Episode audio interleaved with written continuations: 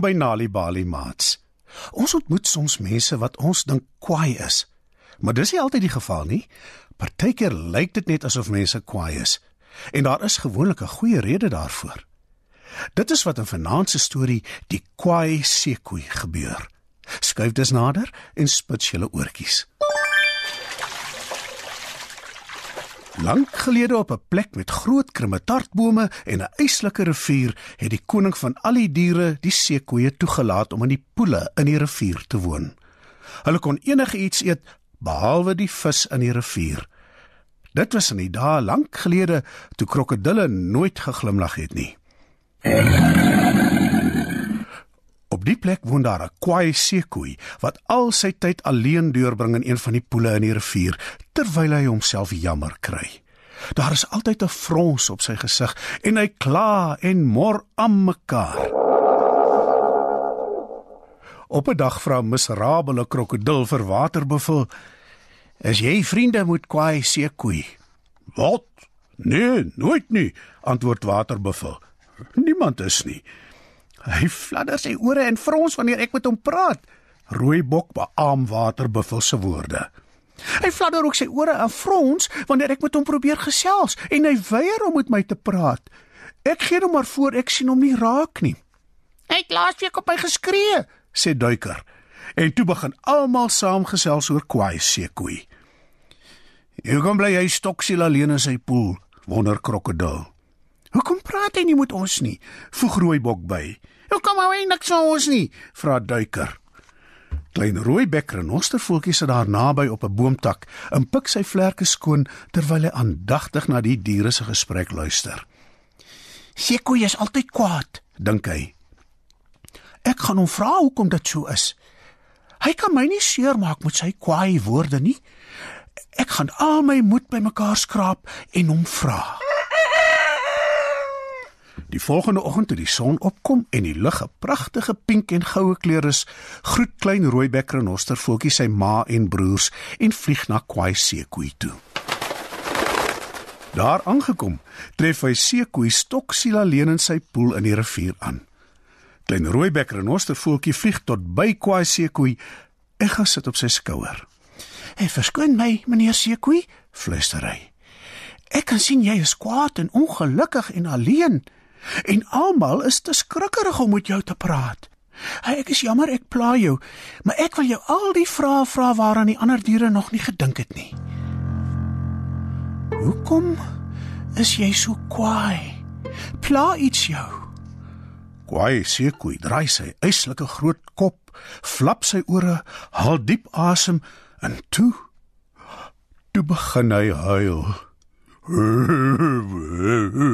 Ek het verskriklike tandpyn. Hy lê. Dit is so seer ek kan nie slaap nie. Ek kan niks eet nie. Ek weet nie meer wat om te doen nie. Klein rooibek renoster voeltjie skud sy vlerke en draai sy koppie skuins eenkant toe terwyl hy diep nadink.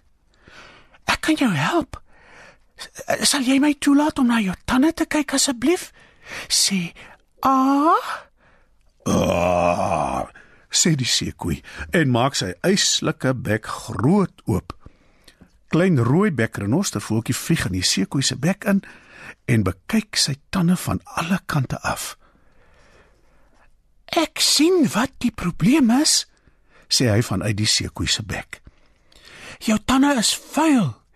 Jy het tandpyn omdat jou tande 'n goeie skoonmaak kort. Ek kan jou help as jy wil.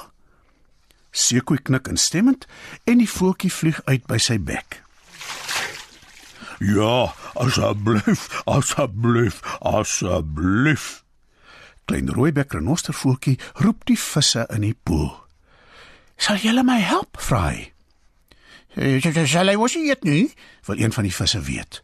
Nee, nooit nie, sê Kwai Sekui. Ek het ons koning beloof ek sal nie een van julle ooit seermaak nie en ek hou by my woord.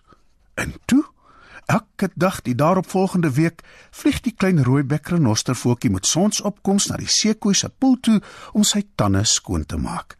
En elke dag roep hy die visse om hom te help. Kwai Sekoi laat die klein voeltjie en die visse gelate toe om sy tande skoon te skrob. En uiteindelik omdat sy tande nie meer pyn nie, kan hy weer na hartelus eet. En terwyl Kwai Sekoi smil, keer klein rooi bekrenoster voeltjie terug huis toe en vertel sy ma en sy broers wat hy gedoen het. Hulle luister aandagtig terwyl hulle hulle vlerke skud en hulle koppies knik. Hulle dink wat die klein voeltjie gedoen het is merkwaardig en klap hulle vlerke in applous.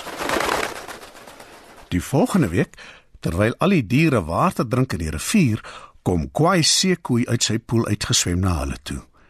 Hy flap sy ore, skud sy kop en ja, hy glimlag. Die ander diere glimlag terug en hulle sien sy pragtige blinkskoon tande en sy ronde maag vol lekker kos. Die ander seekoeie en miserabele krokodil stel baie belang. Toe klein rooibek renoster voeltjie dit sien, roep hy sy ma en sy broers en die ander voëls. Al die voëls vlieg nou tot by 'n seekoei of 'n krokodil, gaan sit op hulle skouers en fluister in hulle ore nes klein rooibek renoster voeltjie met kwaai seekoei gemaak het. En dis hoe alles begin het. Volgende keer wanneer jy op 'n plek is waar die krummetartbome groot en rond is, sal jy baie voëls sien wat krokodille help om hulle tande skoon te maak. Jy sal ook baie klein rooibek renostervoeltjies en visse sien wat seekoeie help om hulle tande skoon te maak. Vanaand se storie, Die Kwaai Seekoei, is geskryf deur Dominic Hartman. Het jy geweet deur vir kinders tuistories te vertel en te lees, help jy hulle om beter leerders op skool te word? Vir meer stories om vir kinders voor te lees of vir kinders om self te lees, besoek ons by www.nalibali.mobi op jou selfoon. Daar sal jy heelwat stories in verskeie tale absoluut gratis kry. Jy sal ook wenke kry oor hoe om stories vir kinders te lees en met hulle te deel sodat hulle hulle volle potensiaal kan ontwikkel. Story Power. Bring dit huis toe. Kyk ook uit vir die Nali Bali bydra met heerlike stories en aktiwiteite beskikbaar in KwaZulu-Natal, Sunday World, Engels en isiZulu. Gauteng, Sunday World, Engels en isiZulu. Vrystaat, Sunday World, Engels en Sesotho. Weskaap, Sunday Times Express, Engels en isiXhosa. Ooskaap, The Daily Dispatch Dinsdae en The Herald Donderdae, Engels en isiXhosa. Nali Bali is ook op Facebook. Mm.